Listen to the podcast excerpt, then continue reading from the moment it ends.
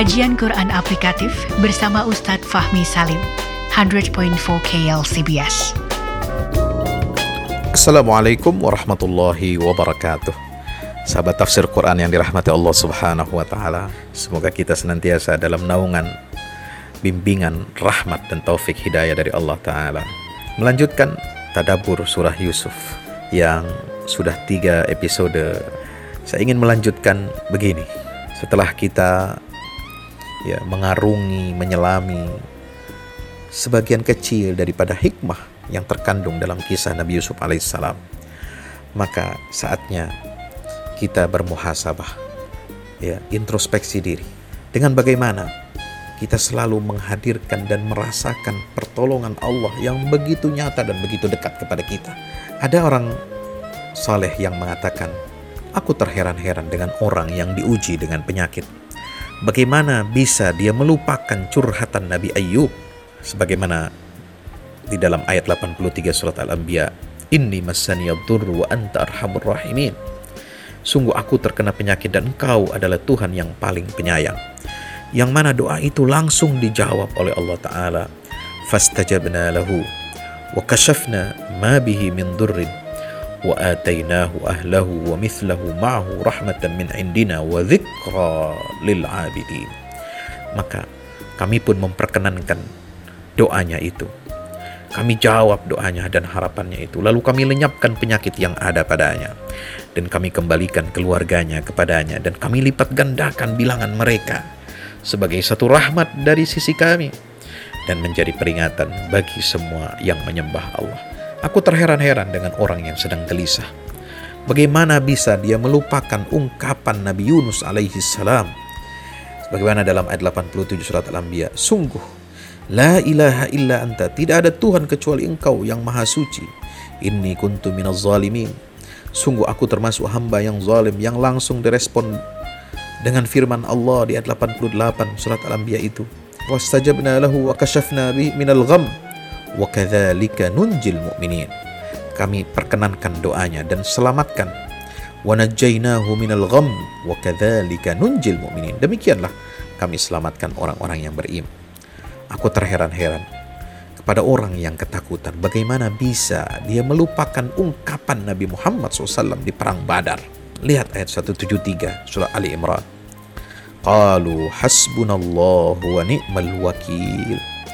Itulah ungkapan ucapan Rasulullah dan para sahabatnya saat perang Badar berkecamuk. Cukuplah Allah buat kami, sebab dialah sebaik-baik penolong yang langsung diganjar oleh Allah di ayat 174 surat Al Imran itu. Fanqalabu bini'matin minallahi wa ridwanin lam yamsashum su' wattaba'u ridwanallah wallahu dhu fadlin azim. Maka mereka kembali dengan nikmat dan karunia yang besar dari Allah mereka tidak mendapatkan bencana apa-apa. Mereka mengikuti keridhaan Allah dan Allah memiliki karunia yang besar. Aku terheran-heran dengan orang yang bergelut dalam urusan dunia. Bagaimana bisa dia melupakan ucapan seorang mukmin dari keluarga Firaun? Lihat surat Ghafir ayat 44. Eh, Wa ufawwidu amri ila Allah.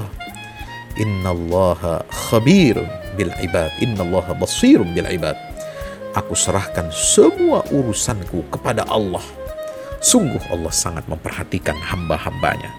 Yang langsung dibalas oleh Allah dalam ayat 45. Maka fawaqahu Allahu sayyiati ma makaru wa haqa bi ali fir'auna su'ul azab.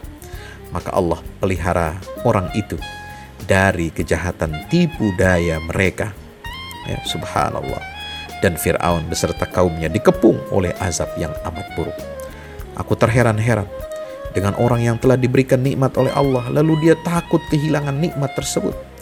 Bagaimana bisa dia melupakan ucapan seorang kawan, sahabat, pemilik kebun di ayat 39 surat Al-Kahfi. Ya, walaula idh dakhalta jannataka qulta ma Allah la quwwata illa billah.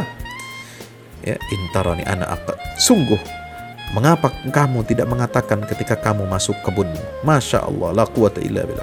Atas kehendak Allah semua ini terwujud. Tidak kekuatan kecuali dengan pertolongan Allah. Demikianlah, sahabat tafsir dan rahmati Allah. Pada setiap kesulitan, jika kita serius membenahi kualitas takwa kita kepada Allah, maka niscaya Allah akan menghadirkan dua kemudahan bagi kita. Itulah jaminan dari Allah Ta'ala.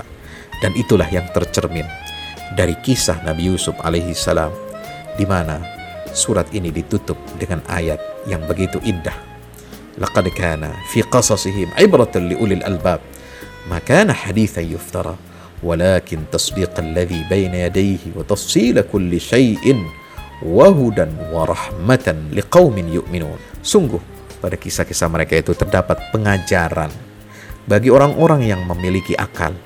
Al-Quran itu bukan cerita yang dibuat-buat, tapi membenarkan kitab yang sebelumnya dan menjelaskan segala sesuatu dan sebagai petunjuk serta rahmat bagi kaum yang beriman maka Sekali lagi, jangan berputus asa dari rahmat Allah Ta'ala.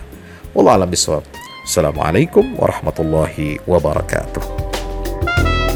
Belajar tafsir Al-Quran dalam kajian Quran aplikatif bersama Ustadz Fahmi Salim, pendiri Yayasan Al-Fahmu International Indonesia, 100.4 KL CBS.